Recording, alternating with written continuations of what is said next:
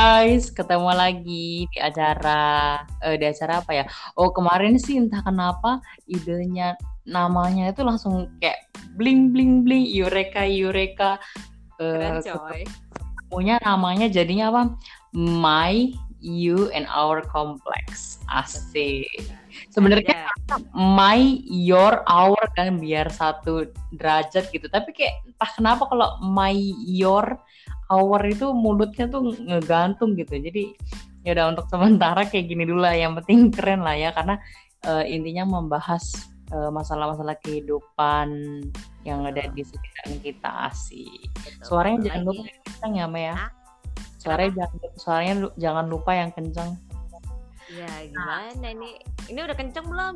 Udah kencang udah kencang oke oke nah, hari ini uh, di episode kedua mau ngelanjut uh, pertanyaan uh, dari Quora kemarin yang judulnya apa pesanmu untuk muda-mudi yang uh, kebelet nikah. Silakan Meh. Silakan. Kita langsung lanjut aja ke poin selanjutnya biar tidak buang-buang waktu. Kui.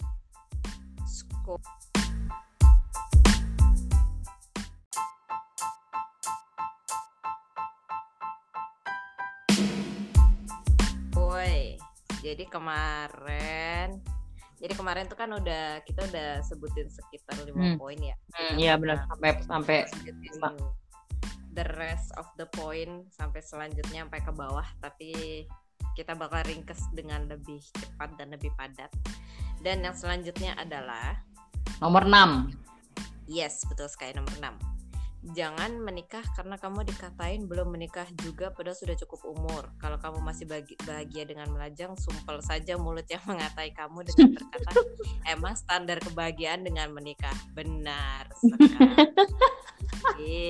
Biasanya sih ini uh, dari dari dari keluarga besar sih ya, dari internal dan uh, keluarga besar biasanya. Omongan-omongan yang muncul kayak begini nih. Betul sekali. Kalau nggak gitu dari tetangga-tetangga julid pas belanja sayur pagi-pagi. nah, itu biasa keluar sih. Mulutnya nggak bisa nggak bisa ya, dijaga. Lu udah ngomongin kapan tetangga lo nikah, fokus aja belanja sayur masak buat keluarga. Oke? Okay? Itu aja. Oke. Okay. ya itu sekali lagi uh, karena gimana ya mindsetnya orang-orang dulu itu ya kalau habis kerja ya eh kalau salah salah. Kalau habis lulus kerja ya langsung nikah mau cari apa lagi? Kan biasanya dibilangnya kayak gitu ya. Betul. Cuma sekarang mindsetnya sudah berbeda beda generasi. Jadi harus Apalagi. harus gimana ya? Harus saling mengerti lah kasarnya asik. Iya emang emang budaya yang harus dipelajari orang Indonesia adalah mind your own hella business sih. Itu sangat hmm. penting kayak mau mereka nikah kapan itu bukan urusan Anda, mereka memutuskan untuk nikah atau enggak itu juga bukan urusan Anda. Dan itu uh, ya respect other space lah itu sangat penting sekali. Betul. Oke, lanjut next. Lanjut aja ke poin selanjutnya. Oke. Jangan menikahnya karena cinta. Itu egois namanya. Emang besok besok kamu mau tinggal di mana? Besok besok kalau anaknya sudah ada kamu mau kasih makan apa? Daya pendidikan anak kamu mau bayar pakai apa? Kamu mau makan beli pakai apa? Ya pakai cinta lah. Ah ah ah jawaban yang sangat kredibel sekali. Iya betul sekali. Itu sudah cukup menjelaskan bahwa cinta tidak bisa membeli apa-apa. Sekian Oke, langsung lanjut ke nomor selanjutnya. Nomor 8, jangan menikah karena mengikuti tren, menikah muda. Betul. Itu balik ke poin yang di mana kalian harus uh, maturely emotional emotionally mature salah. Hmm. Dan itu yang kemarin yang di episode pertama yang udah dibahas ya berarti ya. Betul, betul. Itu sangat uh, berkesinambungan dengan poin yang kemarin. Dan yang kesembilan, jangan mereka karena sudah kebelet mantap-mantap. Hidup juga tentang selangkangan doang. Aduh kasar. Tidak sesederhana itu. Benar. Itu sangat sekali. Tolong pernikahan bukan tentang mantap-mantap saja ya. Itu juga kemarin kayak udah kita bahas deh. Hmm. Karena pernikahan tidak cuma good times tapi bad times juga asik. Iya, tahu banget, Sir. Ih, lu pelek. Jangan kamu di alam alam yang lain lu udah nikah lagi. Gak mungkin lah. Dan di sininya belum, coy. Di alam lain udah. Alah, alah ngaco. Langsung nomor 10. Nomor 10. Jangan menikah karena semua teman-temanmu sudah menikah dan kamu ingin menikah juga tanpa berpikir panjang. Ini betul. Hmm. Lihat kita, teman-teman sekitar Zerlin sudah banyak yang menikah, di teman-teman sekitarku juga banyak yang menikah. Dan kita ya kita masih sibuk ke datang ke kafe kucing, kita masih sibuk ngomongin opa-opa juga, kita masih sibuk dengan ngobrolin kita next time bisa travel bareng ke mana. Ya dinikmatin aja sih. Ya karena sekali lagi dewasa juga bukan karena umur sih ya, tapi karena memang pemikiran dan uh, jalan hidupnya orang masing-masing kayak mana. Mungkin ada juga memang orang yang uh, rezekinya nikah muda, tapi dengan dengan jalan itu dia memang uh, harus belajar hidupnya ya mulai dari setelah nikah itu gitu. Kalau kita kan Betul. perkara kayak udah capek kali ya, maksudnya lagi lagi lagi lagi lagi pengen cari yang lain gitu fokusnya. Betul. Karena ya itu ya aku ya kita punya pandangan yang berbeda sih. Cuman kalau aku pribadi ya, misalnya bener -bener. kalau udah udah nikah otomatis ya kayak yang kita sebut kemarin udah tentang kita bukan aku gitu kan. Terus kalau hmm. mau ngapa-ngapain jadi nggak bisa ya sekali lagi balik ke pasangannya sih. Cuman kayak kamu udah nggak bisa egois kayak mau ke sini, eh udahlah aku aja gitu. Maksudnya kan kamu juga harus izin suami, mau ke situ itu itu ya banyak lah. Aku masih menganggap itu kayak hmm apakah aku siap belum? Oke, kalau gitu jangan. ya tapi semoga semua ya kan karena sudah ditakdirkan semua makhluk itu berpasang-pasangan jadi hanya tinggal menunggu waktu lah ya mantap mantap mantap Lanjutnya ke nomor selanjutnya nomor 11. Oke. Nomor 11 adalah jangan menikahi dengan orang-orang yang benar tidak yang benar benar tidak kamu cintai. Hmm. Ini, Ini sulit, Pak. Sulit sekali, Wah. Takarannya tuh gimana? Tolak ukurnya, cara mengukurnya, metodenya bagaimana itu? Aduh. Aku sih no paham-paham ya, karena kayak dan jangan mencintai orang yang tidak kamu cintai. Kadang ada pun orang yang setelah menikah malah saling mencintai kepada pasangannya. Tapi hmm. ada yang malah awal-awal sudah saling mencintai, terus pas tengah-tengah malah nggak jadi seperti awalnya. Ya ini agak ambigu sih. Itu balik ke individunya masing-masing. Gimana cara mereka memaintain perasaannya dan kondisinya itu balik ke orangnya lagi. Hmm. Menurutku. Gimana cara dia meyakinkannya? Soalnya kadang Betul. Uh, gimana ya? Misalkan kayak orang bilang uh, teman-temannya bilang kayak kok gue ngerasa nggak cocok ya? Tapi si orang itu malah kayak enggak perasaan gue yakin yakin aja ya. Itu kan ya kita juga nggak tahu sih ya. Itu kan kayak jalan hidupnya orang takdirnya orang masing-masing kayak bagaimana. Ya selama ikhlas dan benar-benar ngerasa dia yang the one kasarnya ya ya begitulah terima terima keputusan dan resiko masing-masing jadinya. Betul, betul. Dan jangan menyesal, itu aja sih. Itu itu sih. Itu paling penting. Jadi kalau udah nyemplung, udah kecebur di sana, tolong jangan bukan jangan sih. Kayak cobalah kayak berpikir bahwa apa pun yang sudah terjadi itu memang harus dilewati, bukan untuk disesali. Buset. Karena itu akan merubah pola pikir kalian juga dalam menghadapi suatu masalah. Jadi nggak akan sekedar menyalahkan orang lain, menyalahkan keadaan, tetapi kamu akan belajar untuk menyikapi diri kalian sendiri bahwa oh oke okay, kalau ada masalah A, gue harus bersikap B nih kayak gitu. Jadi nggak bakal yang wah ini kejadian A, ini pasti gara-gara dia, gara-gara dia, gara-gara dia gitu. Kalau kayak gitu kan nambah masalah aja gitu nambah masalah nambah musuh nambah stres gitu kalau kalian yang merubah sikap ya mungkin kalian akan lebih dewasa kalian akan mencoba mencari solusi dan situasinya menjadi berbeda gitu dan kalian akan belajar dan ada value dari permasalahan tersebut gitu. Oke. Lanjut nomor 12 nih. Nomor 12. eh mana nih? Oh ini, jangan berpikir dengan menikah kau bisa mengubah laki-laki atau perempuan kasar, pemabuk, merokok, tukang, tukang selingkuh menjadi berubah. Orang tuanya aja tidak bisa merubahnya, apalagi kamu. Tidak usah seakan bisa merubah hidup orang lain, cukup rubah saja hidupmu menjadi lebih baik. Iya, betul. Ya ini bener banget sih. Maksudnya jangan berpikir menikah dengan uh, dengan merasa kayak udah lantar habis nikah gue bisa kok gue yakin bisa mengubah pasangan gue jadi yang lebih baik. Betul kayak um, ini sekali lagi ilusi pikiran yang terjadi ketika memikirkan tentang pernikahan. Masa asik nih sebelum nikah kayak oh iya. sebenarnya kita udah tahu nih aslinya sifatnya sifat aslinya dia selama pacaran misalkan atau selama mm. uh, menjajaki hubungan di awal gitu. Tapi Betul. kalian uh, ter, ter, ter terhalang ilusi bahwa udahlah nih apa namanya pasti bisa berubah nanti. Ya sebenarnya nggak bakalan bisa berubah karena semua orang sama aja setelah atau sebelum nikah nggak sih? Lu udah dikasih tahu sifat aslinya di awal ya akan begitu seterusnya kecuali memang uh, gimana ya memang uh, apa namanya ya ada janji atau yang harus dibayar atau ada satu kejadian yang bikin dia uh, mengharuskan atau menjadi berubah ya itu beda lagi. Iya, betul.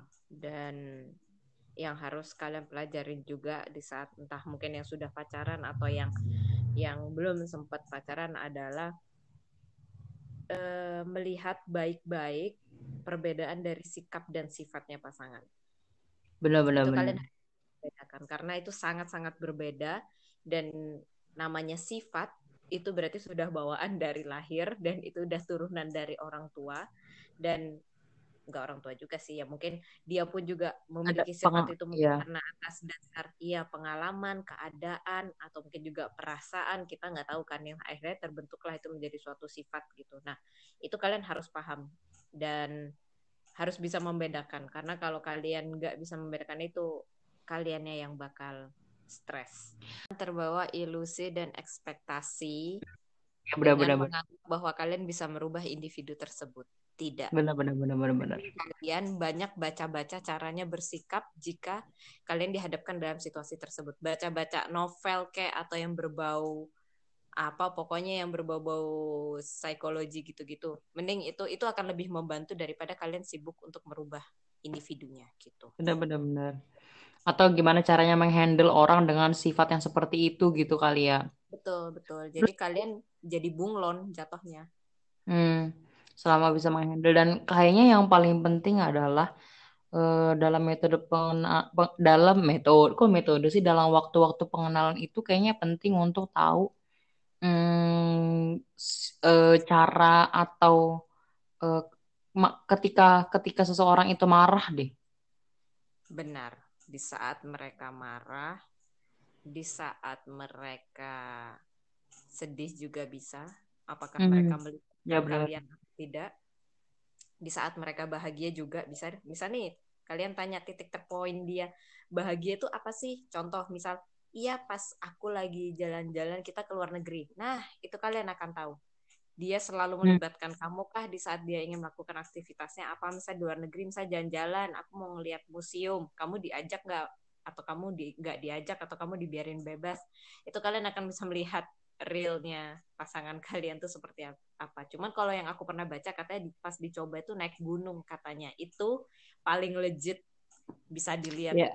mm -hmm. Iya sih kayak memang banyak orang bilang kalau naik gunung itu ya sama sama juga kayak tahu karakternya karakter aslinya orang kasarnya kan. Kalau gue mikirnya dengan kalau gue mikirnya dengan traveling pun sudah cukup. Kalau naik gunung kayak gue nggak mampu sih wa kenapa ser? Antara berat badan sama takut yang aneh-aneh. Eh sorry ketawaku kok lepas banget ya lepas banget emang kurang ajar emang kayak gini iya benar ya soalnya kalau ke bersifat ke tempat yang baru itu kan kalian survival instingnya akan akan aktif kan akan on hmm. nah hmm. itulah jika dia pergi sendiri orang kalau kalau pergi sendiri udah biasa. Kalau dia bawa teman atau dia bawa pacar atau dia bawa siapa pun orang yang dia sayang, otomatis dia kan harus bukan mengayomi apa ya, akan menjaga lah istilah, ikut menjaga hmm. juga gitu. Apakah dia hmm. termasuk yang menjaga atau tidak? Kalau menjaga, oke, okay, poin plus. Tapi kalau enggak, nah yaitu tolong ditanyakan kenapa, ada apa gitu. Ya, makanya kayak gue masih belum lihat kayaknya melihat masa depan yang baik kalau gue naik gunung. Gue bawa ransel, tas ranselnya aja udah berat sendiri. Terus ya lu bawa apa coy di ransel lu? Ya baju gue juga gede, Wak. Jadi ya makin apa? makin penuh. Terus nanti kalau gue capek sendiri, orang yang ada gue nyusahin orang. Ntar gue ditinggal malah serem, malah lebih serem lagi di sana. gue gak mau ketemu yang aneh-aneh sudah cukup nggak apa-apa itu kan pengalaman Zer sekarang nggak, enggak.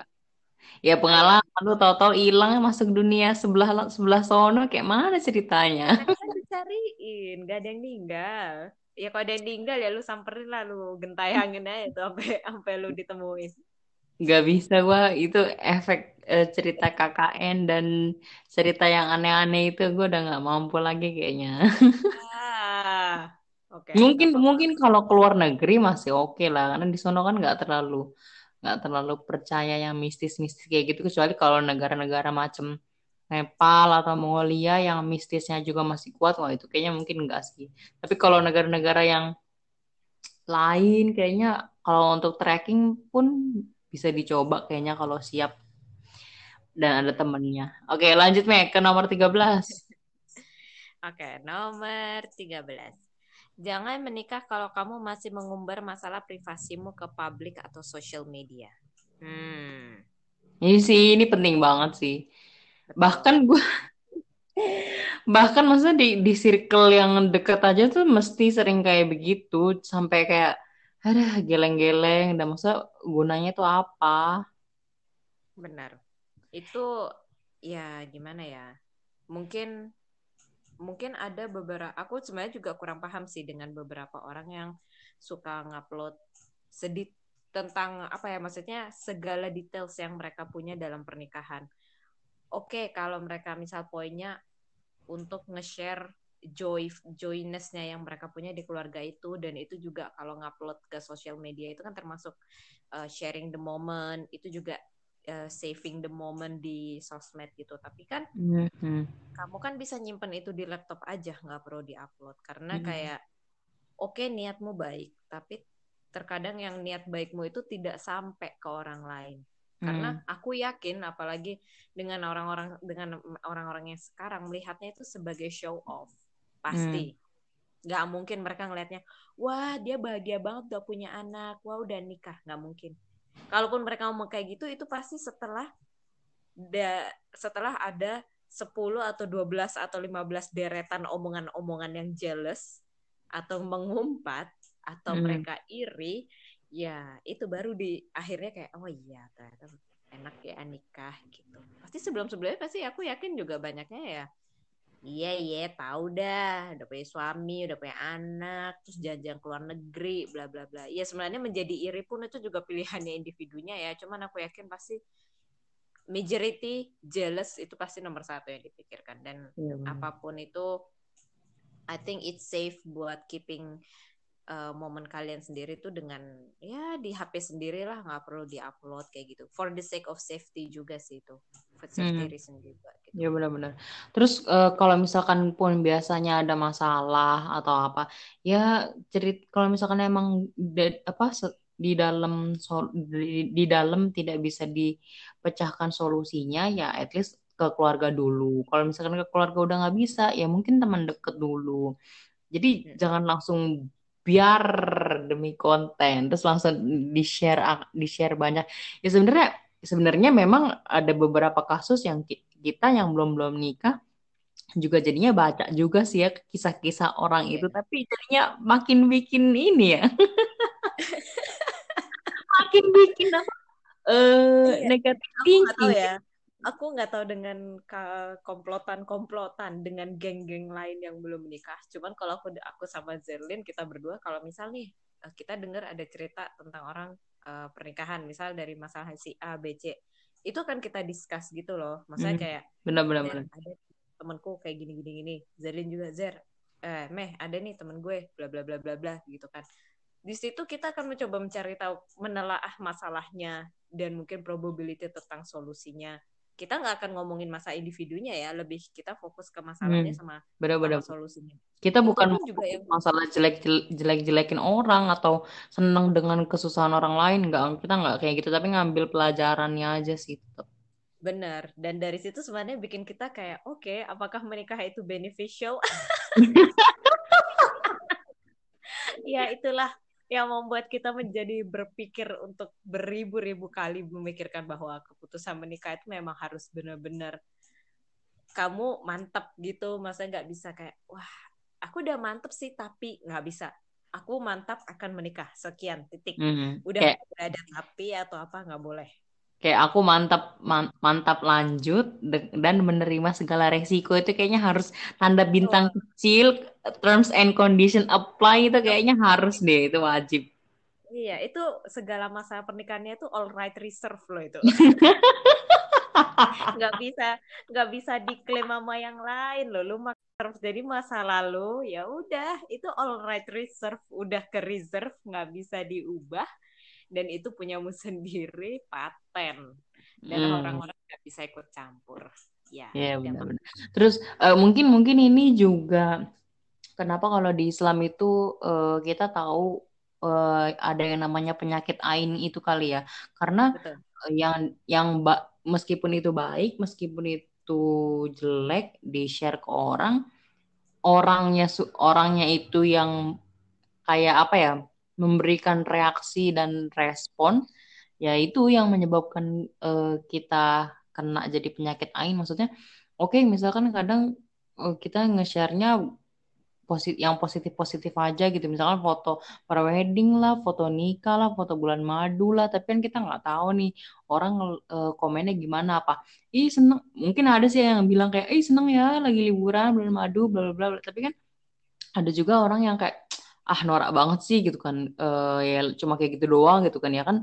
Namanya orang beda-beda ya ada aja. Apalagi kalau uh, istilahnya apa ya orang lain itu melihat semuanya apa-apa yang di share itu lebih baik daripada mereka. Itu biasanya mereka akan meresponnya aneh. Betul. jadi ya begitulah ya. Nggak apa-apa. Itu sifat dasar manusia kok jealous. Jadi nggak apa-apa. Ya. Hmm, ya benar-benar. Oke, lanjut ke nomor 14. Oke, kita ke poin 14. Eh, 15 coy. Eh, benar 14. Enggak, 14. Maaf lu, Pak. Jangan menikah kalau kamu masih minta uang biaya pernikahan sama orang tua. Hmm. Ini ini, ini kayak tergantung sih ya.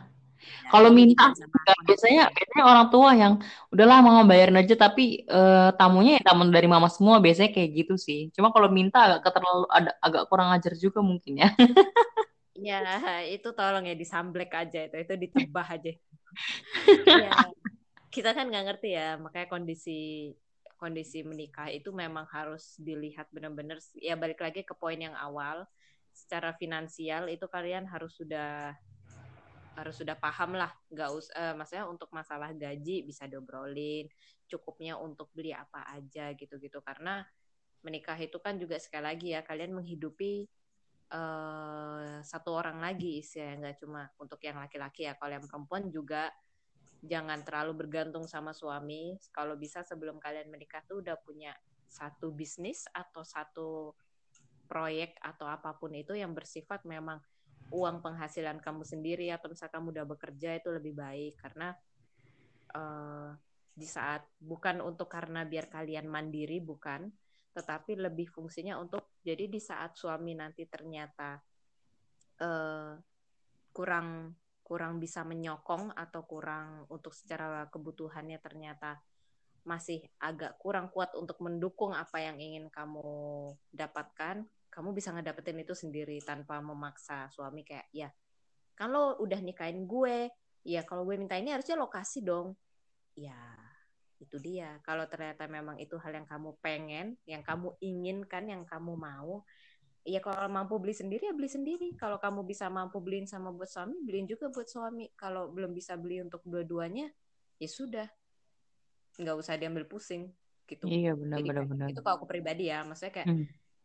Kalau kamu ini aku pernah dengar dari temanku ini yang udah menikah mereka finansialnya sangat-sangat oke banget. Mereka bilangnya kayak gini kalau kita sama-sama bekerja kita sama-sama punya gaji kita sama itu jadi mereka kayak fair play gitu loh. Misal nih eh, kalau mereka kayak menganut konsep kalau aku nggak bisa beli dua berarti aku belum mampu untuk beli barang itu. Ini dua maksudnya untuk mereka berdua ya. Misal mereka kayak mau beli barang couple atau misal mereka mau beli barang yang value-nya agak tinggi kayak gitu. Misal eh, temanku mau beli sepatu nih, tapi cowoknya nggak mau sepatu. Aku maunya jam. Oke, kalau sepatu aku harga 3 juta, kamu bisa dapat juga harga 3 juta.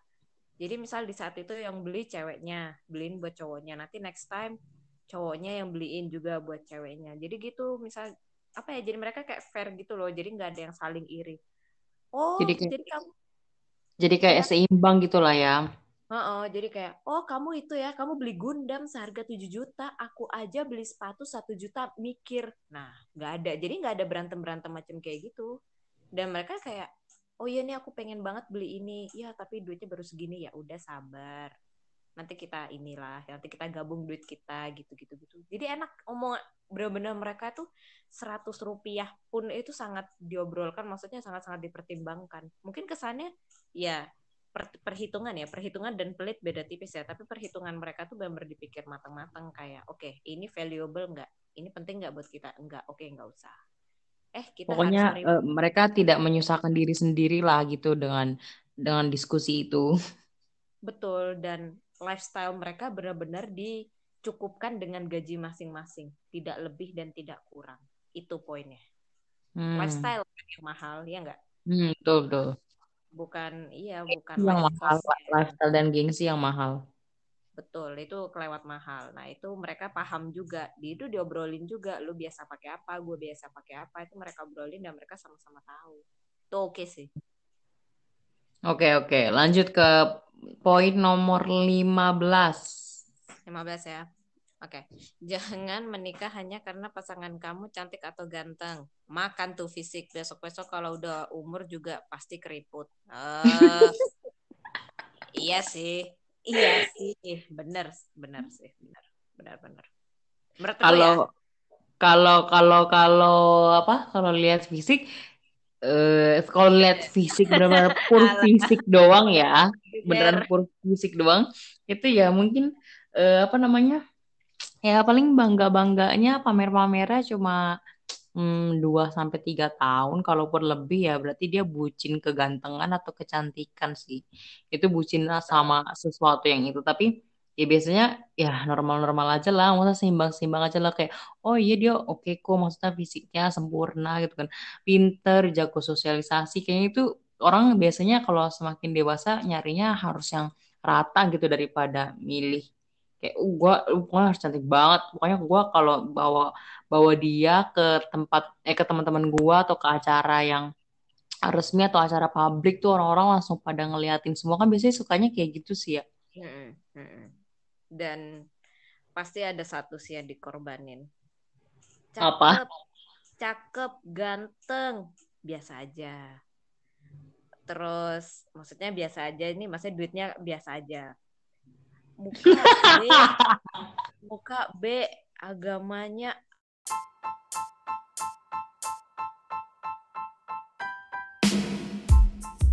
ya pokoknya setelah sekian lama pokoknya yang aku pelajari dan aku lihat selama hidup pasti harus ada satu dua satu poin yang dikorbankan.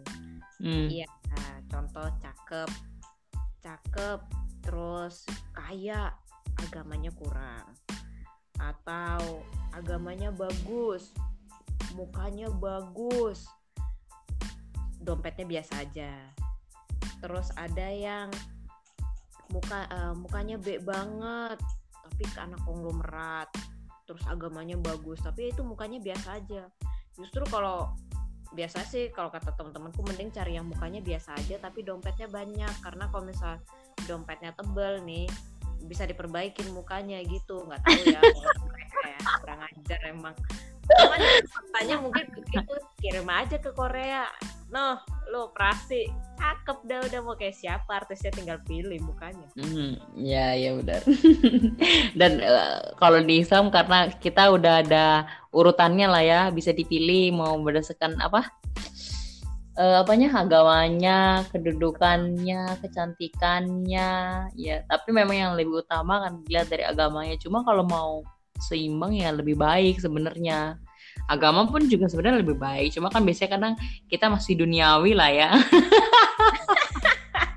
Ya sekarang manusia tidak apa-apa. Maksudnya gimana? Siapa sih yang nggak mau punya punya pasangannya ganteng? Nggak ada lah. Semua pengen punya pasangannya ganteng. Cuman aku nggak bilang kayak yang uh, terlalu beragama juga tidak bagus ya. Cuman emang semua memang harus balance. Karena mm-hmm. kalau misal mereka agamanya bagus banget tapi background mereka kurang itu akan bisa maksudnya itu bisa mempengaruhi level keagamaan mereka sendiri. Itu yang aku paham juga. Maksudnya kayak oh oke. Okay. ternyata ya, ada yang seperti itu gitu. Jadi iya benar-benar. make it balance. Tapi yang penting adalah dari misal kalian menemukan pasangan yang ternyata poin kurangnya di mana kalian itu siap dengan resiko dari kekurangan itu sendiri. Iya benar-benar harus seimbang lah ya harus tahu. Terus uh, kadang kadang juga gini maksudnya aku juga mikir kayak misalkan oh cakep nih belum misalkan belum belum belum masih baru kayak ngelihat kayak oh iya dia cakep nih. Tapi pas, pas diajak ngobrol kayak hmm. nyambung. lemot sih gue mau apa ih banyak tau yang kayak gitu Iya kan emang, iya level sosialisasi itu memang juga harus harus ini sih harus balance. Iya kayak, aduh gue nggak bisa nih kayak koneksi sama kayak sama kayak gini kok kayaknya nggak nyambung ya. Jadi kayak nggak bisa dipaksa tuh yang kayak gini gini nggak bisa dipaksa. Maksudnya kayak aduh ganteng nih bodoh amat lah yang penting ganteng gitu. Tapi kalau diajak ngobrol bikin emosi ya sama aja gak sih gila itu mah masih masih pakai apa nih masih pakai HP Asia yang telolet telolet itu coy. Di saat yang lain udah pakai 5G lemot. Beda software. Iya udah beda software. Itu macam kayak software Apple ditaruh di Android. Ya udah ngebom. Gak nyambung. Itu sih itu itu yang kita sering yang kita sering pelajari dan sering ditemukan di kota-kota besar. Ya tapi kalau siapa pun itu ngerasa aku bisa kok ngerubah dia menjadi orang yang asik hmm, itu balik lagi ke yang tadi ya bener tapi tolong di share caranya gimana karena sejauh ini yang aku lihat kalau ada kayak uh, pasangan yang ternyata satu berisik yang satu pasti tetap diem. Hmm. itu ya ternyata memang seperti itu dan tidak apa-apa gitu. Cuman sama kalian dengan orang kayak ngomong sama Stonehenge nggak apa-apa ya nggak apa-apa. Yang satu berisik yang satu diem diem diem diem ninju iya. air ninju angin. Avatar. Monolog. Oke lan lanjut ya ke ke poin terakhir. Oke kita goes to poin terakhir. Jangan menikah karena pasanganmu punya materi yang banyak atau mapan tapi tidak tahu cara bertanggung jawab dan menghargai orang lain. Uh, gila nih. Aduh, sedih banget, sedih udah kayak di drama-drama, bener dah. Bener, kayak drama Penthouse, Sky Castle dan lain-lain. Hmm, iya bener-bener. Bener sih itu, karena nyatanya emang kebanyakan orang yang sudah cukup bermateri pasti ya gitu cenderung untuk agak meremehkan. Ya bener kalau misalkan orang yang memang benar-benar uh, materialistik biasanya dia akan membandingkan dirinya dia dengan orang lain. Ya suka merendahkan juga sih. Jadi ya begitu dah uh, sifatnya terkesan seperti itu. Iya benar. Dan kayak, lu mendingan mana nih misalkan dikasih uh, orang si si si cowok A punya punya duit, punya aset, punya apa-apa, tapi lu nggak boleh nggak uh, boleh ngegaul, nggak boleh ari, eh bukan, maksudnya nggak boleh milih sesuatu, nggak boleh member, mengambil keputusan dibandingkan dengan orang yang biasa-biasa aja tapi bisa mampu menghidupi tapi dia membebaskan uh, lu berpendapat atau mengambil kesimpulan lu mendingan yang mana meh? Aku mending yang kedua sih, jujur. Ini yang kedua, tapi yang kedua borokan eh, lu nggak bilang tadi goblok. Eh, sorry. Jadi ngegas ya. Gue gak bilang, coba lu bilang awalnya borokan kan gue mikir. Tuh kan guys, ini kita semua karena masih manusiawi jadinya ya begini. ya, ya gimana ya, saya hanya manusia, saya bukan Tuhan. Sialan. Gimana kalau dari lu, Me? Ya masa materi itu bisa dicari coy. Maksudnya kayak, kayak bisa digali ya. gali kubur. Bisa di, iya bisa gali kubur kita bisa melihara babi. Maksudnya banyak caranya gitu loh. Maksudnya banyak cara menuju menuju pohon emas.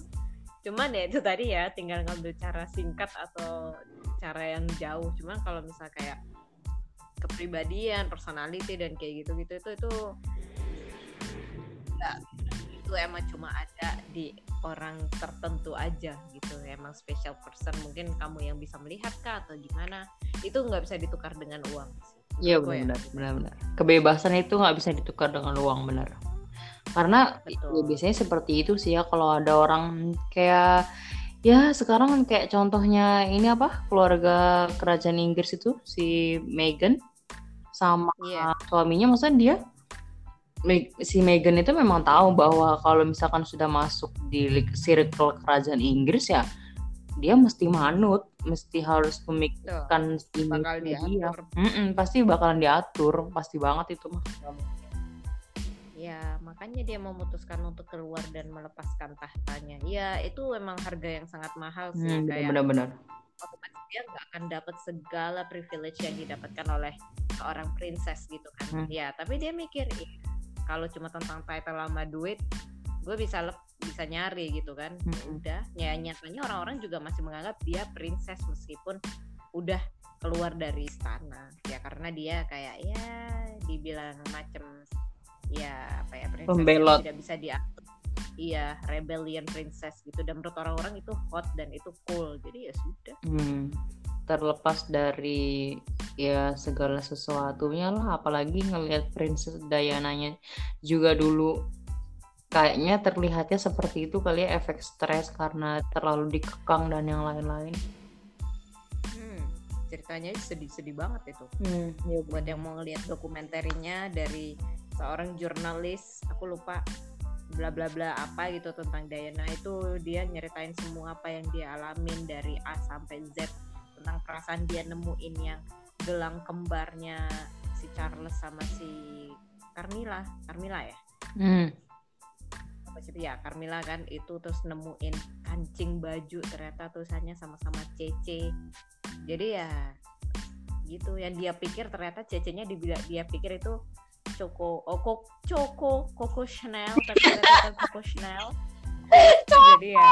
Coklat. Iya aja Chanel coklat mahal coy. Ya begitulah. Itu di mana itu ngelihatnya lu harusnya kasih sumbernya yang ini apa di Instagram apa di YouTube. Jadi orang-orang biar yang kepo itu bisa di li, biar bisa mereka bisa ngelihat habis ini. Nah iya deh. Kayak ya pokoknya cari aja langsung aja ketik uh, Princess Diana behind story, life story atau documentaries. Mm. Ya pokoknya ya berbau itu pasti nanti langsung keluar sih. Biasanya langsung ada beberapa dokumenter. Tapi lihatnya yang berdasarkan jurnalis siapa itu bukan yang dari kayak acara acara-acara show mereka nyelidikin tentang Diana ya, tapi lebih yang dari sudut pandang jurnalisnya itu. Karena jurnalisnya ini ternyata ya berarti sering Oh, oh, dia kayak sering diupdate, dikirimin surat sama si Diana gitu, kayak dicurhatin tentang kehidupan di istana. Jadi dia sangat-sangat paham seperti apa? Gitu deh. Ian. Oke okay. akhirnya sampai sudah juga sesi kedua ini. Yes, yes. Uh, ya semoga uh, poin-poin yang kita sebutin uh, yang berasal dari uh, sumbernya Quora juga dan dari mbaknya yang sudah share jawabannya itu ke semua orang bisa berguna buat teman-teman nanti ke depan. Kira-kira apa nih yang eh, sampaikan salam-salam untuk para muda-mudi yang kebelet nikah ini? Hmm. Penutup. Tapi tolong dipikirkan baik-baik, dipertimbangkan baik-baik dan ditelaah baik-baik itu aja. Karena sekali lagi, aku cuma bisa bilang menikah itu juga membuka masalah baru dan lebih kompleks. Kalian siap menghadapi itu atau tidak? Kalau tidak, enjoy dulu dengan apa yang kalian punya dan yang lagi kalian nikmatin sekarang. Kalau udah siap mengambil langkah, oke kayaknya hidup gue flat-flat aja nih, gue butuh masalah baru untuk membangun uh, kepri- bukan kepribadian membangun mentality yang baru gini gini oke berarti lo siap upgrade lah statusmu itu aja Hmm. menurut aku. Kayak eh, gimana ya kalau dari gua sih lebih maksudnya dari gua dan untuk kita semua adalah ki- kita harus membayangkan eh sebenarnya jatuhnya kayak eh, entrepreneurship sih. Ketika terjun ke dunia usaha pun itu juga harus terima segala risikonya. Jadi gua membayangkannya adalah gini kemarin eh, gua ada baca satu wacana bayangkan anda berlayar dalam kapal seumur hidup Hmm. tapi cuma sendiri. Atau cuma kalau cuma sendiri kalau di eh, di bidang usaha. Tapi kalau misalkan untuk pernikahan ya cuma berdua. Ya lu berdua mengarungi lautan. Kalau ada ombak sama badai ngurus berdua kalau harus kalau mau mancing cari makannya harus berdua. Kalau santai-santai ya berdua semuanya terus berdua mau kondisinya itu baik kayak buruk kayak tapi ya lu di tengah lautan nih cuma berdua doang nih dalam satu kapal nih. Nah lu bisa nggak mengarunginya dan menjalaninya gitu kalau dari gua sih asik. Mantap. Tolong dipikirkan ya guys. Tolong kakak sekali. nah terus udah nih lagu penutupnya apa nih Me? Seperti yang Itu, tadi. Hime mau lagu penutupan Iya. siapa sebutin Christina Aguilera Oke. ya. Reflection. Kayaknya mm, benar-benar lagu Christina Aguilera ini untuk apa ya untuk a strong independent woman kayaknya national anthem untuk memotivasi. Mantap, mantap. gila. Eh kok mantap mantap sih? Oke mantap mantap. Lagi. Oke. Lu Oke oke, jadi habis ini nanti kita puterin lagunya si Christina Aguilera. Gila ini kita kayak radio banget gak sih? Cuma maksudnya biar nggak bosen sih selalu dengerin podcast orang gitu loh. Biasanya orang kan iya dengerin omongan mulu gitu kan. Daripada denger omongan mendingan denger lagu kan. Jadi nanti langsung kita Iya. puterin aja lah ya. Terus eh sebagai penutup nanti eh, nextnya bakalan eh, muncul lagi podcast yang baru dengan tema yang berbeda pastinya. Hime tolong bantu ya cari cari topik yang seru lagi nih oke kita bahas biar orang-orang tuh tahu nanti Iya. ke depannya apa bagaimana. Oke jadi eh kemarin kita sudahi dulu podcastnya. Selamat Mhm, dengarkan mhm. untuk teman-teman dan semoga ketagihan dan jangan lupa kalau misalkan mau di share ya di share ya Allah kayak penonton pendengar kita udah banyak aja anjir. tahu. Eh gua- oh, ya ya nggak apa kan omongan adalah doa. Kayak aja rame. Kan kita nggak tahu. Iya deh aminin aja. Oke. Oke guys. Selamat tinggal. Bye bye me bye. Bye everyone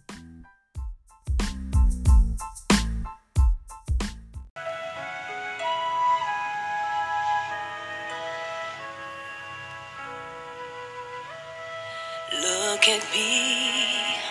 You may think you see who I really am, but you'll never know me.